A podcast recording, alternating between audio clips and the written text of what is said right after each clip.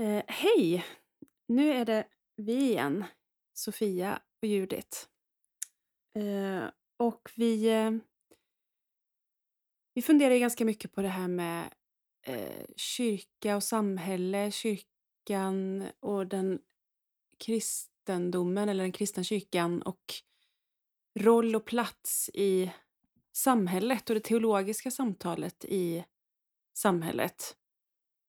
Eh, och eh, ganska ofta, eller i vår del av världen, i norra Europa, Mm. så, så skiljer vi ju på ja, men vi skiljer på det andliga och det sekulära och vi vill eh, gärna skilja på organiserad religion och, eller ja, levd religion och det vanliga borgerliga livet. Men det är ju egentligen någonting främmande för alla religioner, Mm. skulle man väl säga. Eh, Att dela upp sitt liv i, i, i sådana delar. Och, men, men på något sätt så blir det som att kyrkan också eh, abdikerar från... Eh, när man inte har en självklar roll som statskyrka eller som stor apparat så kan det bli också så att man abdikerar från den positionen att säga någonting alls Mm. om livet och evigheten och meningen och saker och tings värde. Ehm, om man inte är på sin egen hemma, hemmabana. Och när man abdikerar, eller när kyrkan abdikerar, eller när religionerna trängs bort eller själva väljer att backa från från den plattformen som är det gemensamma så slutar ju inte människors frågor att, att komma. Människor fortsätter ju att fråga om meningen med allt och Mm. eh, de stora frågorna, livet, kärleken, hat, ondska. Hur sorg. hanterar man livet? Hur liksom? hante- precis, hur hanterar man livet? Eh, hur ska man leva som människa? Eh, och inte minst det här, återigen pandemitiden som ju har drabbat hela världen har ju liksom satt fokus på det igen. Alltså vad är det som är verkligt viktigt? Ehm, och när eh, även, vi kan då se liksom att även om, om kyrkan eller en organiserad religion kan backa eller trängas undan från de sammanhang där man kan säga någonting eller där, där man säger någonting om, om vad är meningen med livet eller vad det nu kan vara så slutar som sagt inte människors frågor och behov av att söka och ta, samtala om det här. Och då uppstår liksom nya platser. Nya platser som inte är kyrkan, som inte är eh, bibelstudiegruppen i församlingen eller kyrktorget eller vad det nu är för. Kyrktorget.se, pratar du om någon sajt eller? Nej, nej, nu tänkte Du jag på, utanför- nu tänkte jag liksom på, kyrkan. precis, på medeltiden, kyrktorget. Ah, ja. mm. Fa- Fanns det? Kyrktorget.se? Nej, Ja, men det kanske det fanns. Ja, jag vet inte. Mm. Nej, men det uppstår liksom nya platser där de här frågorna eh, behandlas eller där, där man samtalar om det här. Och eh, ända sedan tidiga tonåren så har, så har jag lyssnat på Nick Cave. Mm. Ja, har du lyssnat någonting på Nick Cave? Det var några som skulle gifta sig, kompisar till mig, Ja. som valde ut typ tio låtar som var deras musik. ja. Och som jag skulle göra någon cover på på vigseln. Ah. Så jag spelade in allihopa i en slask liksom. ja. Men det, går inte att få li- det gick inte att få liv i hans, men det var en så här Under the peach, någonting. Är det peachberry? Det är något så här persikoträdet. ja, precis. Dovt och svart och långsamt. jag lyckades inte med min lilla visröst. Jag gjorde ingenting av det. Så Nej. den valdes inte heller. Det är typ det enda jag har hört. Ja. Ända sen, jo men jag har ända sen eh, jag var 13, 14 någonting lyssnat eh, Eh, i perioder väldigt intensivt men alltid liksom i en viss grad på Nick Cave. Och eh, han har ju en jättestor produktion och Eh, det är en australisk eh, låtskrivare, musiker, poet. Ehm, lever i England nu, tror jag. Men eh, för den som inte känner till honom. Och eh, det bandet som han har spelat mest med är eh, The Bad Seeds, eller Nick Cave och The Bad Just Seeds. det, är det hans kompgrupp eller är det hans? Ja, det är det, hans. det är ändå han som är solartisten. Liksom. Ja, precis. Eh, han blev ju kanske mest känd alltså för en populär... Han gjorde ju en, en skiva som heter The Murder Ballads. Han gjorde, cover, eller gjorde en duett med Kylie Minogue. Mm, just det. Ehm, Where the Wild Roses Grow, tror jag den heter. Den Mm. låten. I alla fall. D- det här ska inte handla så mycket om hans musik, men, men ehm, han, eh, han har, alltså han är poet, han, han har, om man läser hans texter och liksom lyssnar på hans musik så är det, han har ju varit aktiv under så många decennier så att det är liksom punk, rock, blues, eh, Okej. ja, det är en väldigt bred genre. Men hans språk har alltid varit eh, väldigt eh, alltså bibliskt präglat. Eh, både med själva berättelserna i hans texter men också teman och, och sådär. Och han är son till, eh, hans eh, far var lärare i eh, engelska och litteratur så att han, han kommer liksom från den, den traditionen och är uppvuxen i anglikanska kyrkan. Och Mm. sådär, så ganska- Bildad Ja, medelklass. precis. Eh, och för Eh, 2015 så miste han och hans fru eh, en son. Eh, en son genom en olycka och sonen var bara 15 år.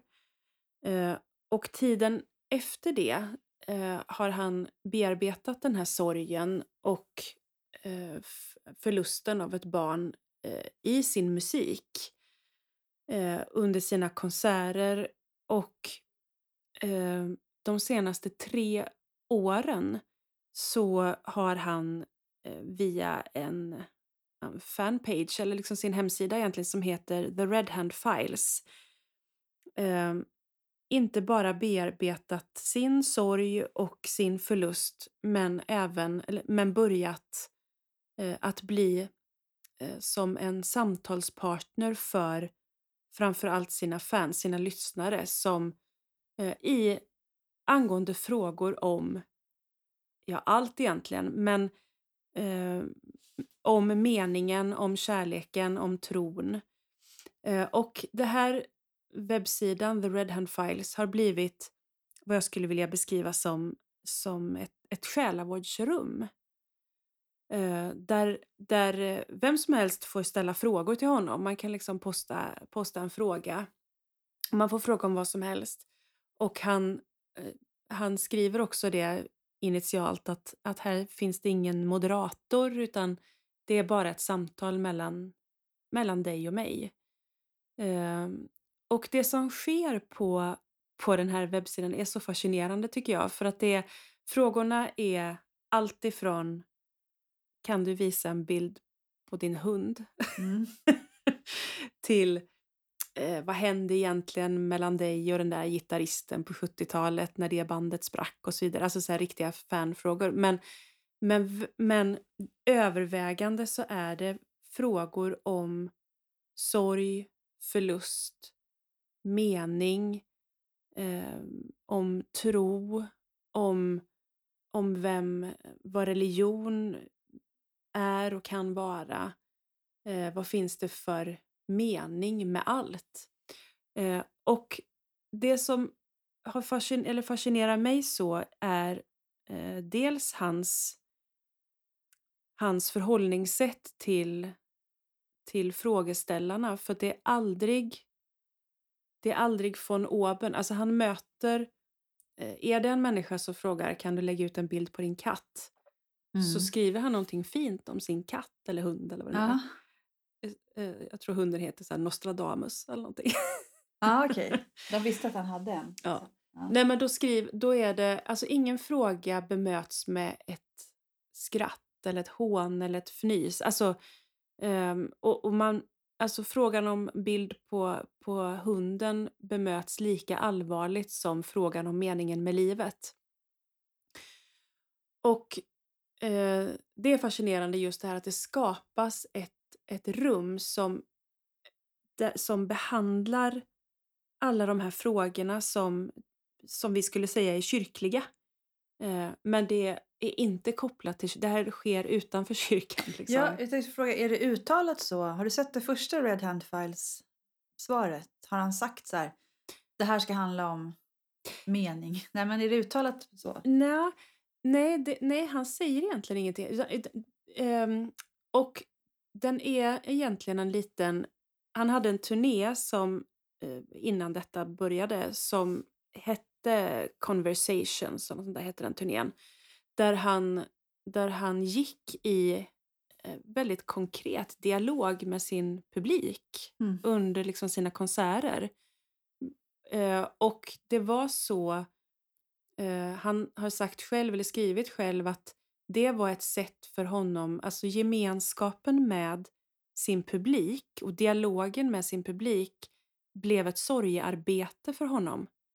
Eh, och han skriver det så oerhört insiktsfullt så att jag nästan svimmar. alltså han beskriver jättetydligt hur det här blev ett arbete för honom. En, alltså att publiken och hans lyssnare hjälpte honom mm. tillbaka till livet och att börja kunna skriva igen. Och, Eh, och så föddes liksom eh, det här, han, hans insikt om hans personliga behov av att, att ha en dialog med sina lyssnare eller eh, liksom lyssnarna på hans musik. Eh, och så föddes The Red Hand Files. Ehm, och ehm, det enda han säger egentligen initialt är ju just detta att, att han inte vill moderera det på något sätt utan han skriver jag är här i princip. Mm. och jag har funderat mycket på vad det är som gör att man vänder sig till Nick Cave. Mm. Liksom, med sina... Eh, under pandemin har det också varit så, alltså, frågor om apokalypsen och vad är det som händer och vågar man, vågar man föda barn till den här världen? Alltså så oerhört starka frågor, allvarligt menade. Uh, och så undrar jag varf varför vänder man sig till Nick Cave? Och, och, det finns ju alltid risken för naturligtvis att, att det blir liksom ett, ett idoliserande naturligtvis. Av, men, men enkelt uttryckt skulle jag säga att det är, det är för att han, han är där. Eller precis som han liksom skrev initialt att mm. jag, jag är här och lyssnar. Jag vill föra det här samtalet med dig. Han visar sig tillgänglig. Uh, och försöker heller inte foga in eh, frågeställaren i ett program. Utan han, han svarar utifrån sin erfarenhet eh, men försöker inte pressa in i en, i en ram att eh, kyrkan har traditionellt sagt, mm. som jag skulle svara antagligen. Ja, som du också ska svara. Ja, precis. olika uppgifter. Men han har väl byggt ja. ett förtroende ja. genom att vara... Alltså många som hör av sig, kanske inte alla nu, har det där spritt sig lite, men de har väl följt honom precis som du och känt ett förtroende från den för, alltså han, hans låttexter. Mm. Antar jag. För de, är ganska, de måste ju också vara väldigt bra då, om man lyssnar på honom. Ja. Och, där, och därför så får han förtroendet att också få frågor ifrån dem. Ja. Och precis, alltså att, att han har gjort sig känd, alltså på det sättet som man kan lära känna en poet eller mm. en låtskrivare genom sina texter, sin musik och genom att vara öppen med sin livserfarenhet. Eller han och hans fru har ju varit det helt enkelt. Eh, att man har berättat om, om sin sorg och att, att eh, alltså vägen att, att överleva förlusten av ett barn. Mm. Um, och, um, och jag tänker att, att um, egentligen vill jag inte sådär moralisera eller säga så här att så här borde kyrkan göra. Det är egentligen inte det jag är ute efter. Liksom. Mm. Men jag är bara så fascinerad över att, att, det, här kan, att det här kan få äga rum. Mm. Uh, och det är också, som jag läste någon, om det var i The Guardian eller något sånt där som skrev en artikel om också något år efter att det hade varit igång, eh, så, så skrev journalisten där att det är fascinerande att, att se att det finns ett rum på internet som inte, inte är fyllt av hån och hat. Mm. Utan där människor möts i ögonhöjd. Mm. Eh, och liksom möts eh, med, med ett allvarligt syfte, alltså ett, ett ärligt syfte, så ska jag säga. Eh, att förstå varandra. Eh, och att försöka dela vidare det som man själv har, har fått. Ehm, och jag Mm. tänker alla de här, det är så intressant att de här platserna liksom får, och de har ju såklart alltid funnits. Mm. Ehm, men att vara, att de liksom kan uppstå och, och att de är rörliga och liksom kan, det blir som profetiskt på något sätt. För när du säger själavårdsrum, det är en annat ord för det är bikt. Mm. Men det som skiljer sig är att de är väldigt slutna de rummen. Ja. Det du beskriver nu är ett offentligt samtal. För jag Ja. har ju också prenumererat på de här Red Hand Files. Det kommer ju som ett mejl i brevlådan. Mm. Så de frågor han väljer ut och svarar på blir ju synliga för alla. Sen kan man skriva, om man skriver, jag menar jag skriver en fråga till honom så skriver jag Sofia. Mm. Då är inte jag identifierbar. Det är upp till Nej. den frågeställaren själv att skriva vilken, vem man är. Mm. Men jag menar själva rummet är öppet. Att Mm.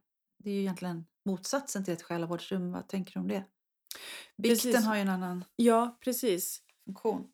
Eh, och eh, där är ju någonting som, det har också tänkt kring en del, alltså där, där är ju vår, vår, vår tid har ju den, vad ska man säga, den svårigheten att, att vi lever våra liv på ett helt, i, i, ett, i offentligheten på ett helt annat sätt. Eh, alltså vi delar med oss av Mm. Facebook typ. Ja, men precis. Vi delar, vi delar våra liv, eller delar av våra, vi delar delar av våra liv på ett sätt som inte alltid är sunt, tänker jag.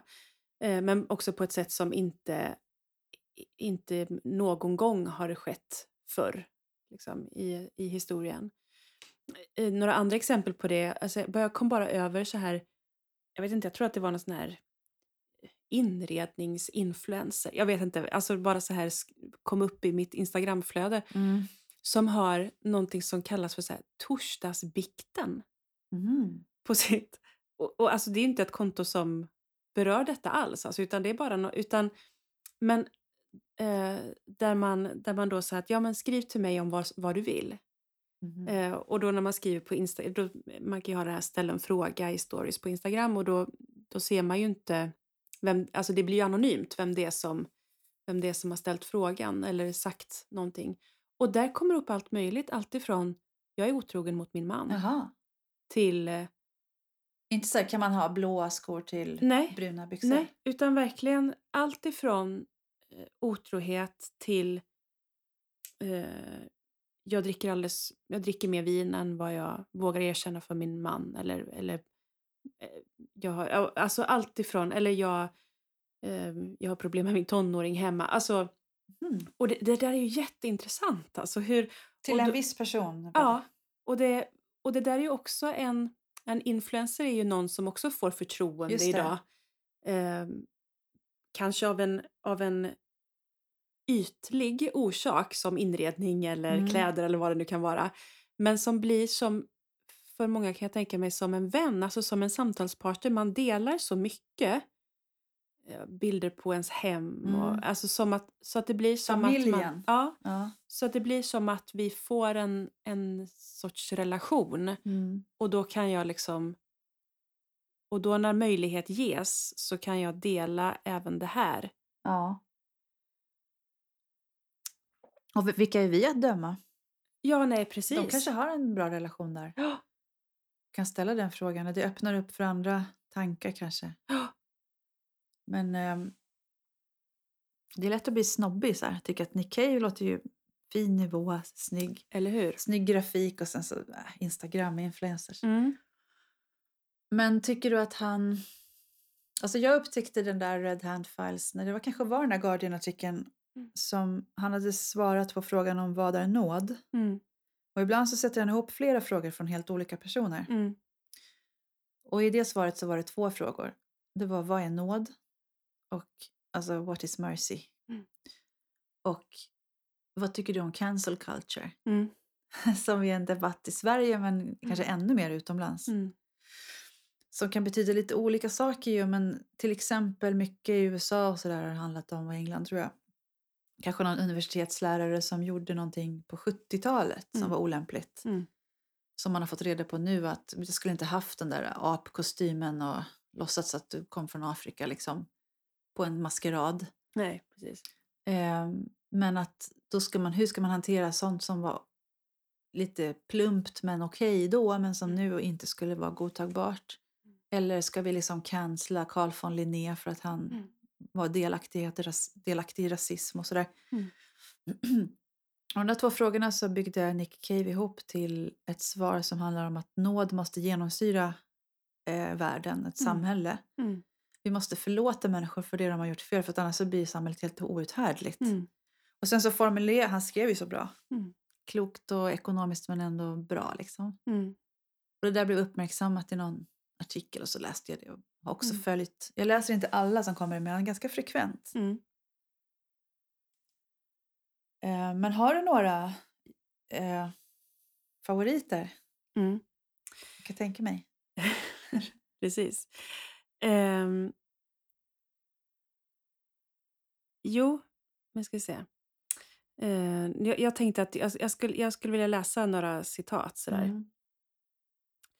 Eh, för att då är det, då är det en, en läsare, eller en frågeställare som skriver, som har förlorat sin hustru och skriver till Nick Cave. Eh, och han, han har även förlorat sin bror i covid. Eh, Detta är liksom under Mm. eh, senaste året. Och, och så frågar han i princip sådär, hur, hur överlever man förluster av det här slaget? Eh, och kan du, ehm, kan du, ehm, eh, alltså det här att, att förlora, eh, och han skriver om liksom, det- s- eh, det fruktansvärda för honom, alltså när, det, när det gör riktigt ont i honom, att insikten om att jag har förlorat dem för evigt. Alltså Mm. förlorat närheten för evigt. Jag kommer aldrig, aldrig få vara tillsammans med min hustru igen. Eller med min bror igen. Och då skriver han, eh, Eh, och så frågar han det, kommer man någonsin förbi det? Alltså hur, hur ja, kommer man någonsin förbi det? Och då svarar Nick Cave så här, eh, angående sin son då. Eh, One desperate morning I did the most simple of things and perhaps this can help you with the loss of your wife and your brother more than my words. I sat by myself in a quiet space and called upon my son by name. I closed my eyes and imagined lifting him from my heart, my heart, this tormented place in which I was told he lived. And I positioned him outside of my body next to me, beside me, and I said, You are my son, and now you are beside me.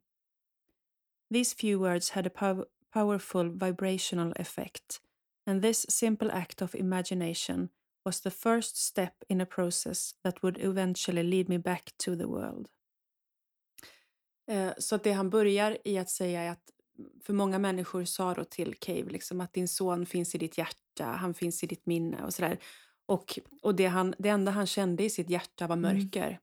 Där fanns ingen son liksom, i Mm. detta härjade hjärta. Där kunde det inte finnas någon, någon kärlek, liksom, någon glädje. Och så beskriver han hur han i sin fantasi eh, liksom lyfter upp sin son ur, ur det här tormented place som hjärtat är och sätter honom bredvid sig. Du är min son och nu är du bredvid mig. Eh, och hur det var liksom ett sätt för honom att, att eh, som vi ofta säger, han lever vidare med dig eller i våra minnen eller så säger vi om de avlidna. Men hur han rent nästan fysiskt alltså kunde fantisera sig eh, eller ha sin son bredvid sig och att det var en, en plats ehm, där han kunde då men sam, där han kan samtala med sin son, där de kan relatera till varandra igen även om han fysiskt inte är närvarande. Eh, och det här är så eh, det här är så stark text tycker jag, alltså för att den, den bottnar så, den, liksom, den vibrerar av, av eh, erfarenhet och naturligtvis av, av den fruktansvärda förlusten. Um, men, men det han... Um, jag, jag, det, så in, det som är fascinerande och inspirerande är att han inte... Um, det, är inga, det är inga klyschor, alltså varenda ord är levt, levd erfarenhet. och han säger också, han sa ju också där att min, min erfarenhet eller det jag har varit med om kanske kan hjälpa dig mer än någonting av det jag kan säga. Eh, alltså bara genom att dela den här erfarenheten som jag själv har eh, och inte komma med, med så mycket ord. Nej. Vill du läsa vidare? Jag har en... Jag tänkte bara... Tänker du att du lär dig någonting som själavårdare? För du har väl som präst tänker jag mig, varit med om sådana här situationer? Ja, um, som, som själavårdare så utvecklas vi ju förhoppningsvis hela tiden, eller man ju hela tiden. Eh, och eh, alltså det kan ju finnas en, vad ska jag säga, sjuka eller så här som prästkragen ger på något sätt eller som kyrkan ger att, att man vill ha, ha svar på allting eller kunna svara på allting och kunna och ibland så kan vi ju inte det eller som människor kan vi inte det. Vi kan svara som jag sa förut, jag kan säga vad kyrkan brukar säga. Mm. Eh, eller den kyrkliga erfarenheten säger att. Um, men, men att som människa så kan jag ju fortfarande bli så drabbad liksom, av, av en annan människas berättelse att jag inte finner några ord. Eller... Men, men jag tycker att det han... Det jag tycker att jag lär mig av honom är ju för det första att lyssna på, lyssna på frågeställaren. Eh, att vad, vad är det den frågar efter? Mm. Och inte, inte min fantasi om vad det är jag borde utlägga nu. Mm. Eh, lyssna och, och också ibland bara finnas i är att men här finns inget att säga. Eller att här... Um, att ibland är det ju bara mörker också. Att det finns inget, um, finns inget som ord kan liksom beskriva eller sätta ord. Alltså, mm. Det som han gör är att han ger en, ett konkret svar på vad han har gjort. Ja. Så jag säger så här, gör så här. Här är mm. liksom fem varianter. Precis. Men å andra sidan kan det vara en olämplig sak för en präst. Mm. Angående det vi har talat om ärkebiskopsrollen, mm. och det mm. gäller även prästrollen i högsta grad, att man lite måste gömma sig i att man har ett ämbete, man ska vara professionell i det rummet. Så att börja prata om sina egna förluster och så kan ju gå väldigt fel. Nej, precis. Och det är ju den... Eh, och jag tänker att det är också den faran som finns även för, för det här rummet då, om man säger så, Red Hand Files, att att eh, ja, men varje, varje person som för samtal vet ju riskerna med liksom projicering och mm. eh, alltså att man överför känslor på eh, personen som man samtalar med. Alltså att mm. eh, konfidenten. Um, och, och, och det här, särskilt då när det handlar om en känd person så finns ju verkligen risken för idolisering och att man liksom upphöjer den här personen som har så kloka svar på allting till någonting utomvärldsligt, liksom något o, ouppnåeligt. Life of Brian. Ja, ja precis. precis. Och det enda han vill är att vara bland de andra. Ja. jag, jag I am bara... not the Messiah. I am not the Messiah. Just det, för Nick Cave, han, det är risken är att han bygger upp någonting så plötsligt är han klar och så säger han så här, nu har tiden kommit till dess enda här för Red Hand Palace och så ja. lämnar han massa människor i vakuum. Ja, precis. Och där finns ju, om man tänker på den liksom kyrkliga själavården, sker ju aldrig i ett vakuum. Utan den sker ju i en församling. Sen så kanske det är mer eller mindre kontakt med den, men den, det är kroppen igen. Alltså det, att den, den sker, den finns alltid i ett sammanhang. Mm. Eh, och som förkunnare eh, så måste ju, alltså det som sägs i predikstolen eller från ambon, i förkunnelsen ska ju vara överensstämmande med det som sägs i själavårdsrummet och tvärtom. Det får ju liksom inte finnas en krock däremellan. Mm. Eh, sen så kan ju alltså det, det anpassas så att säga på det sättet att ja, men just när, vi, när det handlar om dig eller när vi pratar om din situation så ska vi Mm. Läsa den här bibeltexten på det här sättet eller vad det nu kan vara. Men, men det får ju aldrig finnas någon, de får inte strida mot varandra. Gudsbilden måste vara Ja. hållbar. Ja. Om man förlorar ett barn, Mm. vad svarar prästen på det? Om varför till Ja, exempel. vi har hört vad Nick Cave svarar, men vad svarar prästen i Svenska kyrkan? Vad ska jag göra, sa den här mannen. Eller hur, Mm. hur överlever jag de här förlusterna? Mm. Jag tror att vad jag skulle svara, jag vet inte vad jag skulle svara. Jo, men jo, jag vet vad jag skulle svara. Alltså ibland så handlar det bara om att vara eh, bara vara tyst och vänta, men också att eh, att, att vara på något sätt eh, som själavårdare, det, alltså att vara det ställföreträdande hoppet, tänker jag ofta på. Att, för ibland så klarar ju inte människor att ha något hopp. Eller ibland orkar man ju inte det. Alltså kan jag tänka mig om man, om man drabbas av en sån här förlust. Alltså hur ska man orka ha ett hopp då? Och då får, då får man som själavårdare vara det ställföreträdande hoppet. Eh, och bära liksom för en stund. Hopp om att man ska få ses igen eller hopp om att det ska, smärtan ska försvinna? Eh, hopp om att, eh, att, att Gud är god, Mm. trots allt.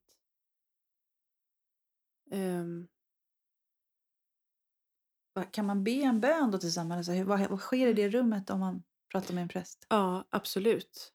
Eh, och kanske att man... Kanske då liksom att, att jag som, liksom som själavårdare föreslår det. Ska vi be tillsammans? Eller får jag be? Och att man väldigt konkret ber för det som samtalet har rört sig kring. Alltså be om hopp till exempel.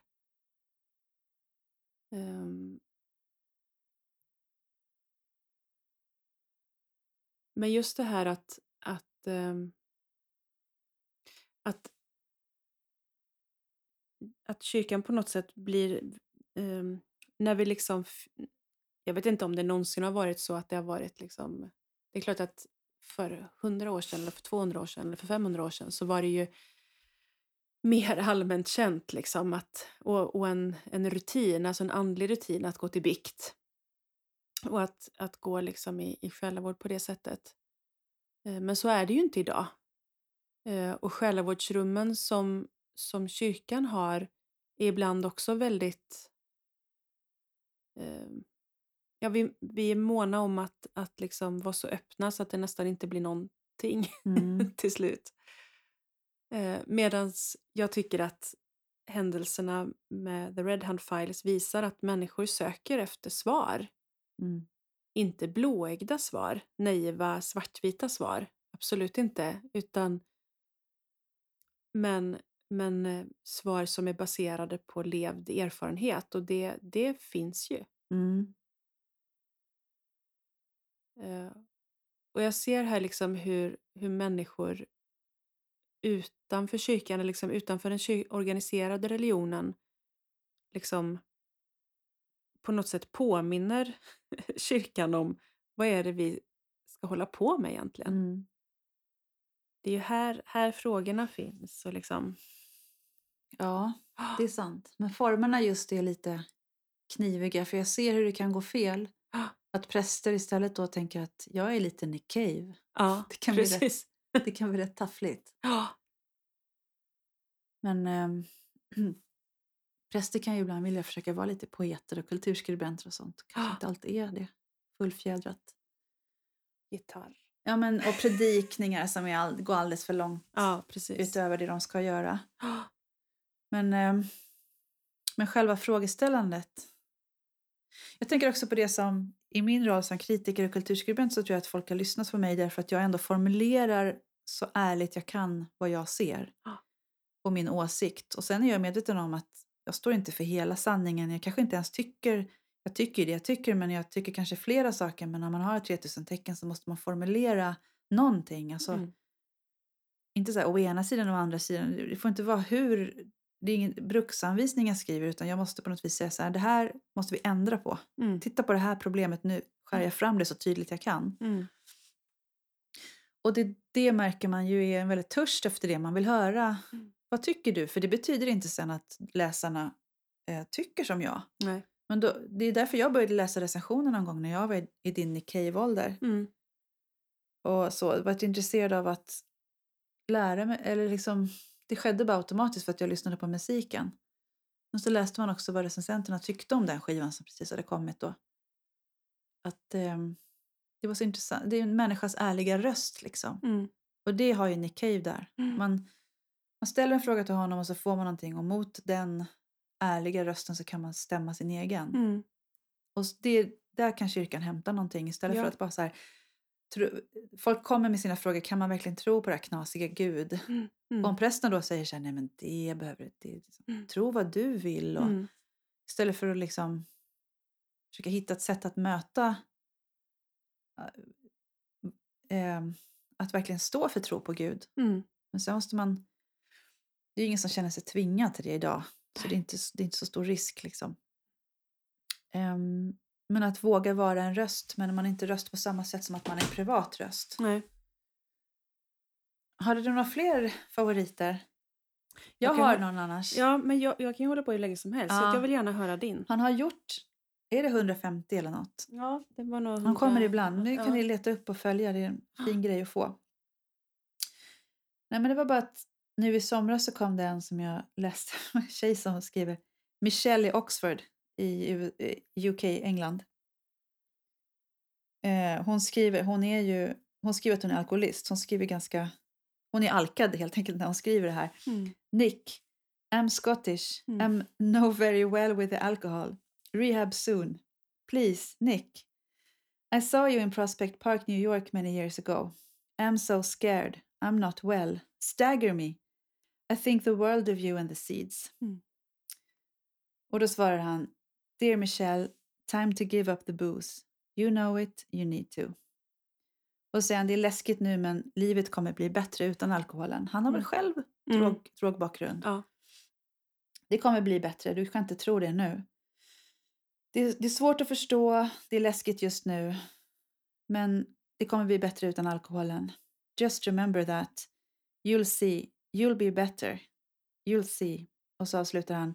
Life is good, you'll see. Life is good. Life is good. Life is good. Mm.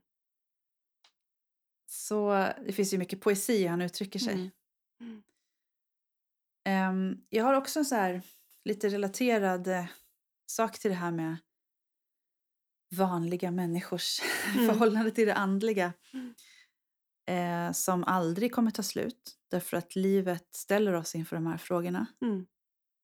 Ehm, och då är det, det är lite relaterat just till den här alkoholfrågan. För att i vintras någon gång så sände Sveriges Radio en poddfestival. Men Sveriges Radio har mycket egna poddar men det var väl också lite andra poddar med. Men jag, jag liksom lyssnade hela dagen medan jag stod i växthuset. Ehm, och så hörde jag massa poddar som jag aldrig brukar lyssna på i vanliga fall. Eh, och alla fick sända en halvtimme var. De kanske har lite olika längd på avsnitten i vanliga fall men det var så det gjordes då under den dagen. Mm. Och då var det lyssnarnas val den dagen var en podd som heter Alkispodden. Mm.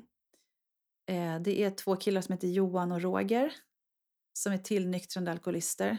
De har varit nyktra kanske fem år och 13 år eller något. Mm. Tycker man är ganska länge. Men de berättar, och de jobbar med några vanliga civila yrken, typ reklamare och managementkonsult. Så de har inga konstnärliga jobb eller någonting sånt. Um, de har bara träffats på ett AA-möte i Stockholm. Och så sa deras fruar att "Där, ni borde göra en podd för de pratar så mycket om de här grejerna. Mm. Så började de med det för typ tre år sedan. Och, så, och när jag upptäckte dem i vintras så, så finns det ju en backkatalog. Det finns kanske hundra avsnitt. Så jag har lyssnat väldigt mycket bakåt under året. Först var det bara Johan och Roger. Sen började de ta in gäster för de fick lyssnare som själva hörde av sig och sen några andra. Så det är en del kända röster med som också jobbar som alkoholterapeuter kanske och sådär.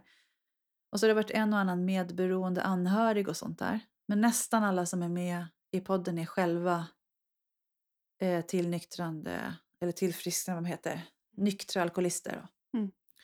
Sen kan det vara andra droger också, men det är framförallt alkohol, Alkispodden, som det handlar om. Och eh, för mig så otroligt, för jag bara sögs in för att det är två människor som pratar så ärligt om sina egna brister. Mm. Och vad de går igenom och vad de fortfarande går igenom för att och jag lär mig mycket och sen är det ju många saker, så jag har inte alkoholproblem själv men så det är ganska nytt för mig att komma in i många av de här sakerna. Men det är också väldigt mycket saker som är otroligt lika Mm. med ens liv. Mm. Alltså för att de har inte, det börjar kanske inte med alkoholen, det börjar ju kanske med andra saker, identitetssökande eller man är så olika också de som kommer som gäster. En del har nog nästan en så kemiskt begär från början. Det verkar finnas någon Mm. gen nästan. Mm. Att när alla andra för, tvingar i sig alkohol för att det är tufft Mm. i tonåren Mm. så har de redan druckit två öl. Liksom. Mm. Att man vill ha det där ruset. Mm. Så det är intressant att, att höra mer om när man lyssnar på de här människorna i deras berättelser. Men det de slits med är ju typ ofta harm, pratar Roger mycket om. Mm. Jag, tror det är ett ord från AA, Mhm. anonyma alkoholister alltså. Mm. Men att man är arg på världen, tänk att man sitter i en bilkö och bara vill döda alla. Mm. Eller man är arg på sin chef eller allt möjligt. Allting liksom blir, alkoholen blir en tröst för en massa saker. Eh, och en flykt från verkligheten och allt möjligt. Så här. Det är superintressant. Men då har jag lyssnat på det här. Och sen är det ju så att anonyma alkoholister bygger ju på eh, de tolv stegen. Det är ett, ett eh, metodprogram för att liksom hantera det man har förstört i sitt eget liv och i andras liv och försöka ta sig igenom det och tillfriskna. För det som de man gör, även fast man varit nykter och skruvat på flaskan i en massa år, är att man kanske måste jobba med det varje dag för att inte halka ner i... Man kanske inte börjar dricka imorgon dag när man har varit nykter i tre år och tar ett återfall, men man kanske efter en period av dåligt liv liksom, så kanske det flaskan blir trösten igen och de är jätterädda för att hamna där. För de, Mm. att de tog sig ur det var ju ur den värsta situationen som de har varit i. Mm. Så därför så handlar det om hur, hur ska man leva på något vis. Och, och AA har ju de här tolv stegen som också finns i andra missbruks eh, hjälp, självhjälpsgrupper, för det är självhjälpsgrupper. Då tänker jag också väldigt mycket kyrka för att det finns ingen ordnande, det finns ingen AA är ju en metod och det har ju, många, det finns ju forskning på det också, hur den är liksom en pseudoreligion och så. Mm. Ehm, men eh, det finns, ingen, det finns inget eh, biskopsämbete. Mm.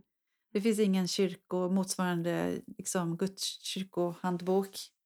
Eller ja, det är ju de tolv stegen kanske. Men det är väldigt mycket så här självhjälp, så man ordnar grupper, man kommer dit, man hjälper varandra. Det är en väldigt viktig del av... Jag tänkte på det när du berättade om Nick Cave, att han att den här dialogkonserten eller Mm. turnén, Mm. han kunde läka genom att läka andra. Mm. Det är också en väldigt viktig princip inom AA. Mm.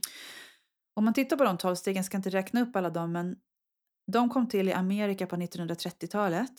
Någon, den som skapade dem, jag vet inte. De, de är kristna. Alltså i grunden är de uttalat kristna. Den, andra, den första punkten är vi erkände att vi var maktlösa inför alkoholen, att våra liv hade blivit ohanterliga.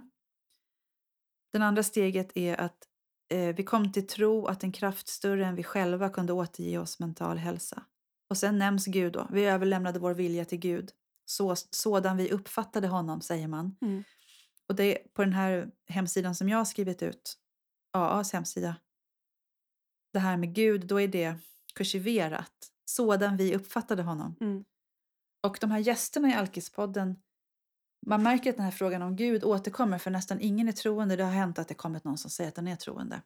Men de allra flesta är inte det, men de har ändå köpt det här. Mm. Vilket är ganska hardcore kan jag tycka. Det är väldigt uttalat. Jag förstår att det är svårt. Det var någon som sa så här, det är inte lätt för en gammal satanist att liksom räkna upp de här grejerna så här. Överlämna sig till Gud, aha, så här, men ändå känna liksom i sig att så här, det är det enda som hjälper. Ja.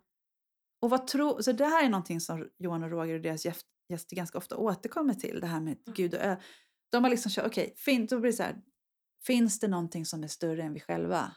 Ja, är det nå- finns det någonting som är större än Sofia i hela universum? Bara, ja, det kan jag liksom Mm. godta. Mm. Då släpper jag det. Det är Mm. lite så överlämning. Ja, men det Mm. gör det. Mm. Men sen hur det ser ut, det måste inte jag formulera just nu. Mm. Men kan jag acceptera att det finns saker som är större än mig? Bara det att släppa, att erkänna att man är maktlös inför den här sjukdomen då som de har.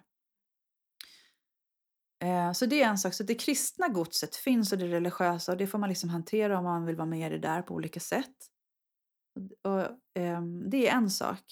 Men det som jag egentligen vill tala om, som jag tycker är så intressant, är att snarare det här andra som du har funnit i det som du kallar själavårdsrum och hur människor ställer frågor, att det är någonting som inte har en uttalad ram, Mm.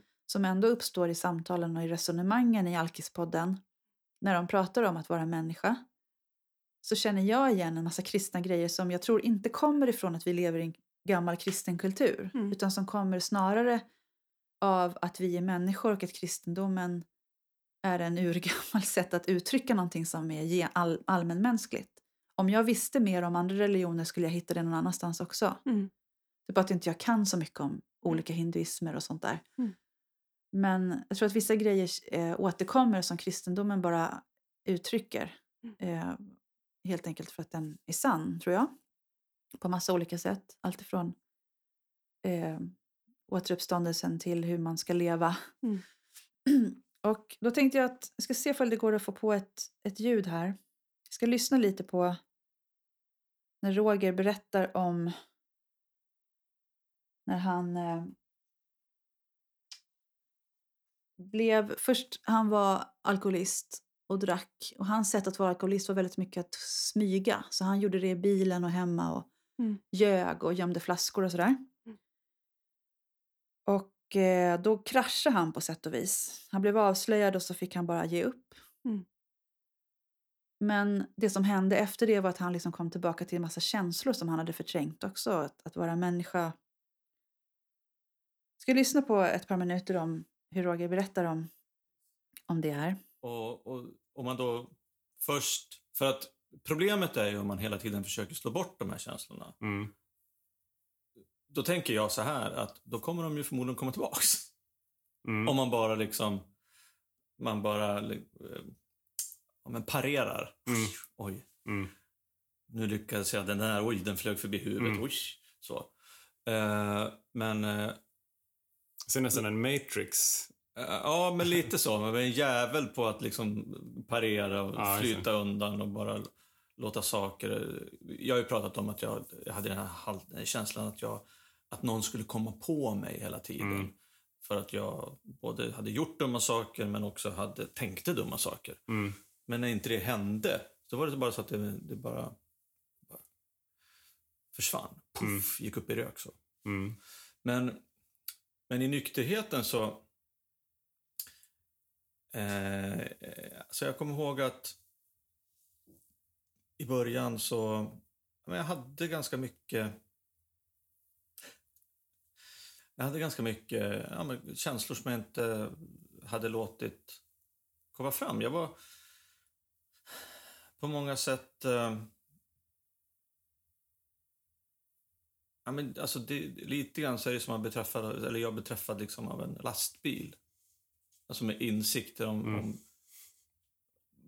alltså både, både liksom det som jag pratade om, en tacksamhet av faktiskt, ja men nu har jag slutat dricka, jag är alkoholist, det finns en lösning. Mm. Men också liksom en insikt av, vad fan har jag gjort egentligen? Mm. och, eh, och ställt till med och sårat andra som på, på flera sätt liksom drabbade mig. Eh, Inte för att jag inte förtjänade det på något sätt, liksom, Mm. men ändå drabbade mig som, som gjorde att jag, eh, jag var tvungen att stanna kvar i, i den där känslan av skuld och skam, liksom Mm. även i nykterheten. Då. Mm. Skuld och skam och, och otillräcklighet, rädsla för liksom, vad fan kommer hända nu när jag blivit nykter. Liksom. Mm. Ja, ja. Eh, och, eh, och jag vet att jag... Ja, men jag, jag, jag eh, faktiskt i början, liksom, jag hade sån här... Jag blev- bara malde runt i huvudet. Mm. Så, så, så låg jag en kväll, jag kunde inte somna, så liksom bara faktiskt så bad en bön Mm. om att det skulle försvinna. Mm. Eller att jag skulle kunna liksom. släppa taget. Ja. Mm. Och, eh, och, och då bara gjorde det. Jag liksom satt om och om och om igen så att till slut att den här, det här mitt eget nya mantra Mm, just det. alltså på något till slut överröstade de här känslorna som jag hade och att jag kunde bli lugn i det. Mm, Eller lugnare åtminstone. mm, Och eh, just att man bad om att, men, att bli befriad liksom från Mm. den här känslan. Det Eh, fortsätter jätteintressant, men eh, vi kan inte... Mm. Tack Johan och Roger för att ni berättar. Så roligt att höra, eller vad man ska säga. Mm. Men det jag tänker att han beskriver där har ju kyrkans språk för. Mm. Alltså, ett sätt att, det finns många sätt att uttrycka det här, men nådens ordning. Mm. Alltså han har blockerat ut känslor så han har skadat andra människor. Hans, han har berättat väldigt öppenhjärtigt om att hans barn bad honom sluta dricka. Han kunde inte sluta. Mm. Det var inte förrän han nådde en slags botten och han frågar sig mycket vad var det? Hur kunde det ske då? Men han gjorde det. Det var liksom, plötsligt fanns det en liten öppning och han eh, kunde sluta dricka. Och började då ta emot otroligt obehagliga känslor av skuld och skam Mm. om vad allt han har ställt till med. Mm. Och vill bli befriad från det. Men så att det är ändå det är ett syndamedvetande han beskriver. Mm. Och när jag tänker på den här kyrkopolitikern som jag läste som säger att kyrkan ska inte predika Herrens tukt och förmaning som den Mm. gjorde förr. Mm. Nej, den ska inte göra det som den gjorde förr kanske om man tar de värsta exemplen. Men nog skulle vi behöva Herrens tukt och förmaning. Mm. Alltså för bakom det finns det en nåd. Precis. Och det är först för många, eller, och det är först genom att gå igenom, om man då, du nämnde nådens ordning, alltså det här syndamedvetandet är liksom en, där man, ja, om man, det är ju liksom gamla pietistiska eh, fromhetstraditioner liksom med nådens ordning, att, eh, att, att det medvetandet eller den, den upplysningen går genom lag Mm. eh, och så genom evangelium. Alltså att, att först bli medveten om sin synd, om sin skuld. Eh, och ehm, när människan, eller när vi blir påkomna som han säger, Mm. alltså påkomna och, och liksom drabbade av den här skammen och skulden, då är vi ju ofta på, eller då upplever vi oss kanske vara på botten av brunnen. Ehm, och där det inte finns något ljus och där det inte finns liksom något liv och ingen luft. Eh, men då säger ju också liksom den eh, själavårdstraditionen att då först då kom, kan ju evangeliet träda fram med fullt kraft. Mm. Liksom. Att, för att från botten på brunnen finns det ju bara en väg upp. Liksom Mm. och det är upp mot ljuset. Eh, Att det är först när vi nås, eller når det här medvetandet, syndamedvetandet, som vi också kan omfamnas av nåden fullt ut. Det är först när vi erkänner att vi är maktlösa som vi kan ta emot. Andras lösningar. För jag har slut på egna försök. Liksom. Precis. Så säger Johan när han pratar om, Mm. om sitt sätt att vara alkoholist och bli till, eller nykter. Mm. Att så till slut så hade han inga fler vägar att gå. Liksom. Då, får, då tar man så okej, nu kommer någon med ett annat förslag, då testar jag det. Jag är Mm. beredd att försöka på ett annat sätt Mm. nu. Mm. Men hur kommer det sig då, om det här är en mänsklig erfarenhet och de har fullt med gäster i podden. Mm. Just alkohol är ju ett så väldigt spritt missbruk liksom på olika sätt. Du säger att det är 10 procent eller något Mm. som har någon form av missbruk. Ännu fler som drabbas runt omkring då. Sen har vi ju massa andra saker som kanske är lite mer så svåra att pinpointa men överhuvudtaget som människor har svek till exempel. Mm. Alltså att människor som man tycker borde veta bättre sviker en. Mm. Så går man och är arg över det. Mm. Alltså, alla de här sakerna. Hur kan det komma sig att vi har Sveriges största organisation sysslar med dessa frågor? Mm. Med förlust, med eh, att våga ta emot kärlek som vigslar och sånt handlar om. Eh, det här är vad liksom vi ändå satt, det är Sveriges största organisation Mm. som människor ändå i ganska hög grad fortsätter att vara medlemmar i. Mm. Alltså medlemstappet är inte jättesdalande om man jämför med hur få som döps. Alltså det Nej. finns ju andra kurvor som går mer brant. Mm.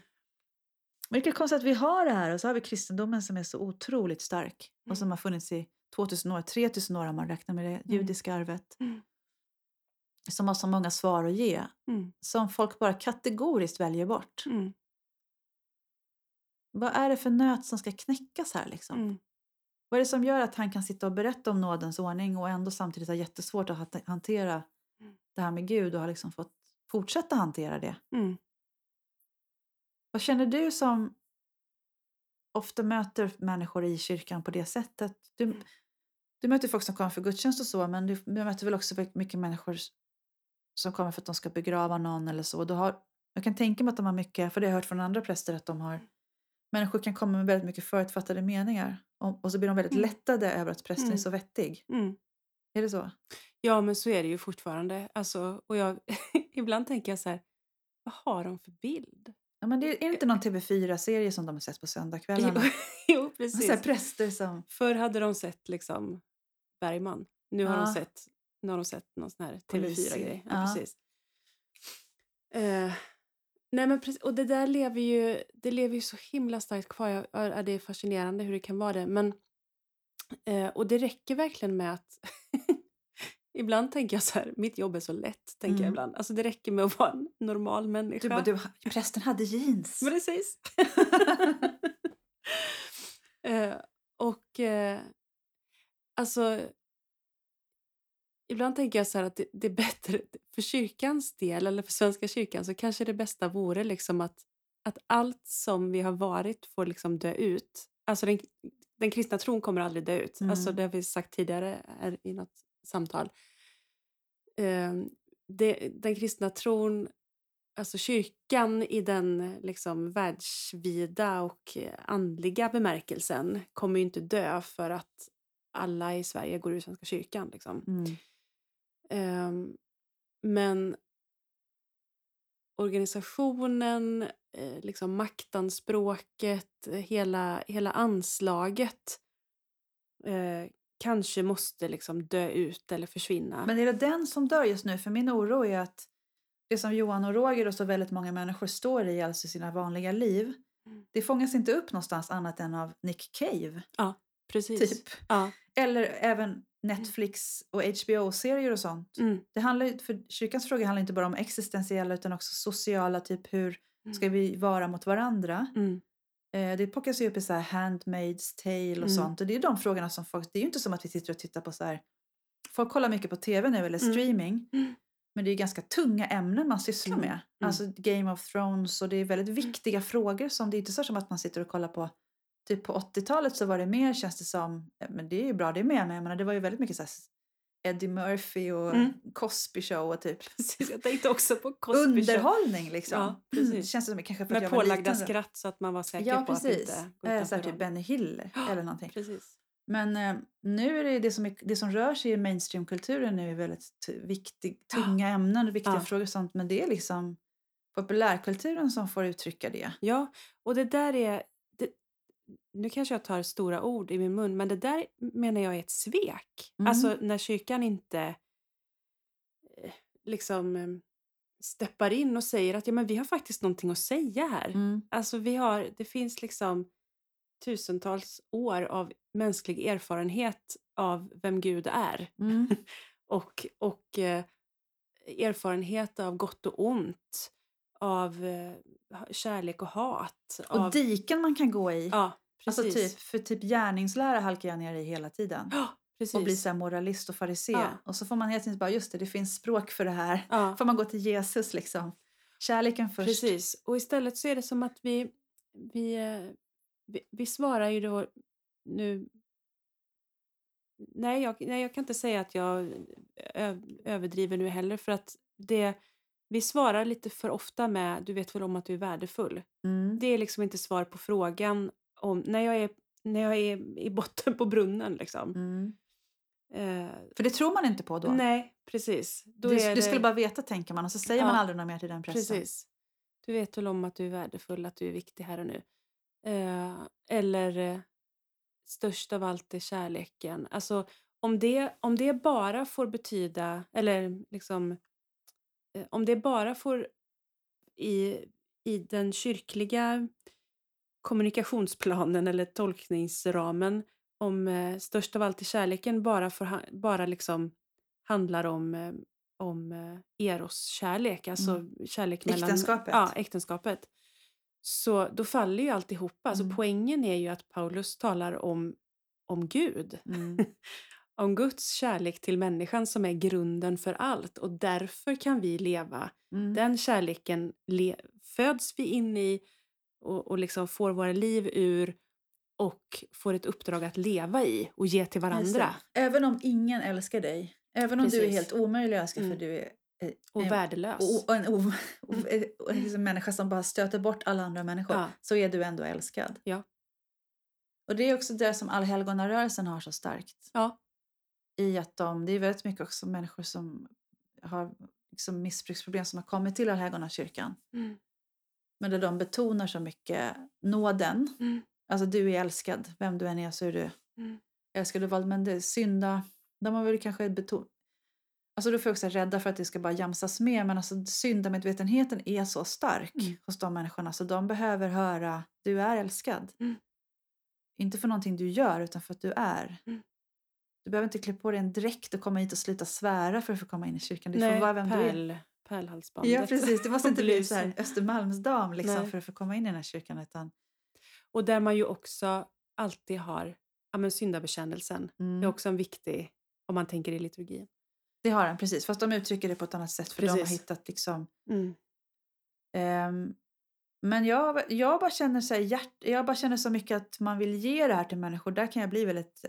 Liksom, man, man växer som en liten evangelist. Mm. Jag tänker på det var ett medlemstapp som var väldigt stort för några år sedan. Sen har det fortsatt ganska mycket sådär. Men ett väldigt stor tydlig skillnad det var när Sveriges Radio gjorde ett avslöjande om...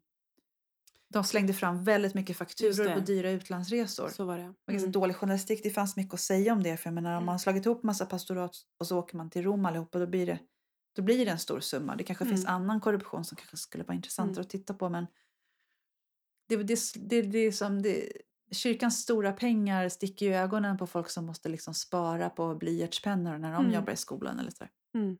Det fanns i alla fall. Så det är där reportaget blev och sen Sveriges Radio som stort genomslag. Mm. Det var ju på Ekot. Så Mm.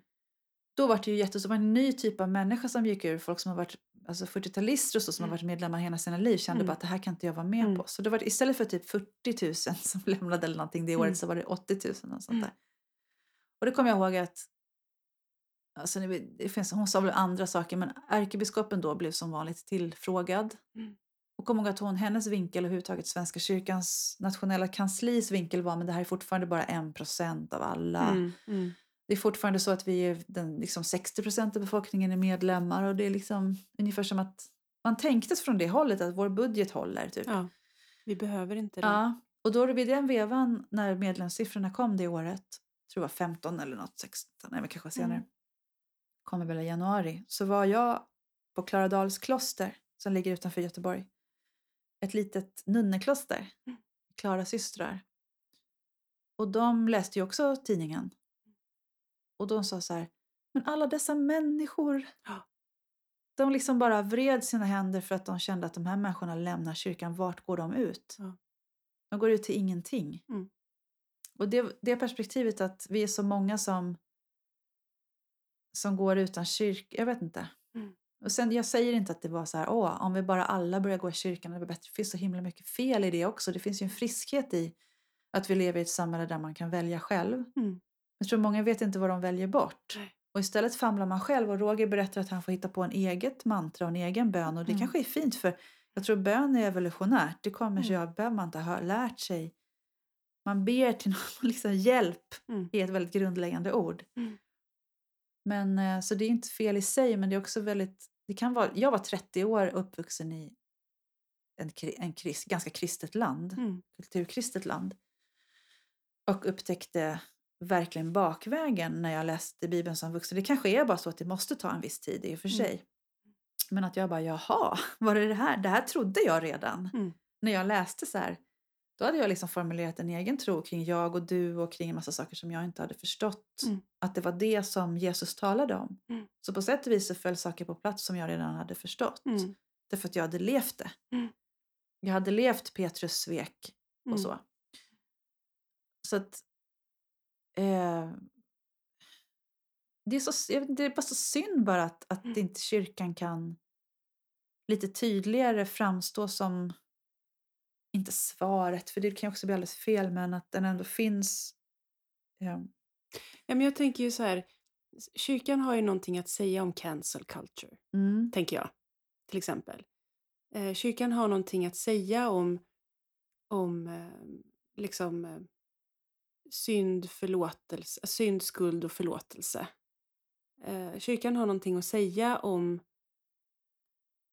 livets värde i början och slutet. Liksom. Eh, och det, det är när, när vi undgår att, att dela det, att und- och tänka att, att människor måste komma till oss först. Ungefär. Mm. Eh, som, som det blir ett svek. Eh, Men hur skulle man göra då om man tänker hur det ser ut i en, i en församling med ett blandat bostadsområde? Ehm, hur gör man för att bryta ner det här att, att, man, att människor har fått sin bild av kyrkan ifrån en, Mm. en deckarserie på TV4? Mm. Eller också, alltså vi har ju också, en viktig del är ju också liksom hela vårt trosbegrepp. Alltså att det, att det är så intellektualiserat delvis. Alltså dels det, att det handlar så mycket om hjärna Mm. i vår lutherska. Kryssa i ja eller nej till Ja. tro på Gud.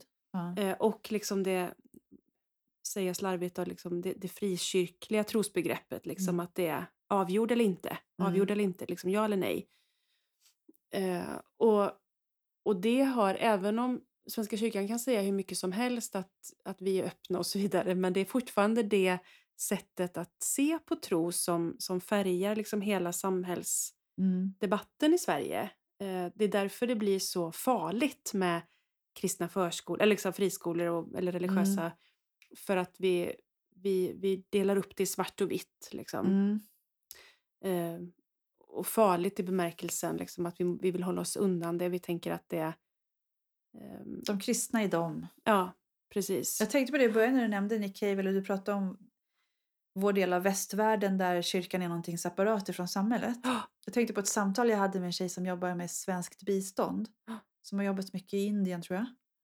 Hon sa det är så svårt för vi har svenska myndigheters liksom, formulär för hur vi ska förhålla oss till det men det går inte att applicera på det samhället. Mm. För att folk är inte ens kanske kristna eller vi kan inte liksom dela upp. Det, är helt, det finns så många varianter Mm. och att vara religiös är någonting som finns i hela deras samhälle. Mm. Så här, är det här en religiös verksamhet eller inte? Nej, men liksom allt Mm. är det. Det Mm. genomsyras eller så här. Så det, och så är det ju, ja, det är det där. Som, och jag tror att det i och för sig finns mer religion i det vi gör som inte vi ser Mm. också, men i Sverige, men absolut. Men, ehm, ja, men det här kommer vi kanske inte lösa den här eftermiddagen heller. Inte den här heller. Vi kommer inte knäcka koden Nej. sådär. Men, och, och det är väl på något sätt också, så här, vi har ju återkommit till det många gånger genom åren, just det här att vara, eh, och det här är ju ett sätt att försöka finnas där också, det här samtalet, liksom att, att försöka liksom vara en, en, en röst i samtalet. Ehm, att, att komma ut liksom, som kyrka, som kristna, att vara, att säga någonting om det som, Mm. som rör sig och som vi ser. Men det känner jag nog faktiskt i och för sig. Att det är viktigt att inte, att det inte bara är Svenska kyrkan.se som, som talar för, för kyrkan. Nej, precis. För det, så tänker inte kyrkan ju om sig själv utan kyrkans liksom, grundläggande idé är ju att alla döpta är kyrkan. mm. Så då kan egentligen vem som helst få tala för kyrkan. Mm. Oh ja. Så att det är sant, att bara, bara det att höra att det finns flera röster, det var det jag också tyckte om med KG Hammar, även om han då var ärkebiskop och i högsta Mm. grad på något vis eh, representerade någon formaliserad kyrka eller hade ett ämbete. Mm. Så hörde man den här rösten precis som hos Nick Cave. Mm. Det är trovärdigt när man hör en människa bakom. Mm. Det är det som folk gillar oss på med Franciscus också. jag. Rätt eller fel så har han ju fått ett mer genomslag. Man, Där Mm. man känner att man har en människa Mm. bakom. Men, så det är, ju, det är ju värdefullt att få höra att det finns så himla eh, stor palett. Mm. Ehm, och sen hur kyrkan i sin församlingsform och så ska forma det, jag vet inte. Vi får Mm. väl se hur det blir de närmaste Mm. 20 åren. Mm. Men eh, man märker i alla fall att frågorna tystnar ju inte. Nej. Ska vi säga Ska så? vi, ja, vi avrundar där. Vi går vidare. Mm. Tack för den Tack. här gången.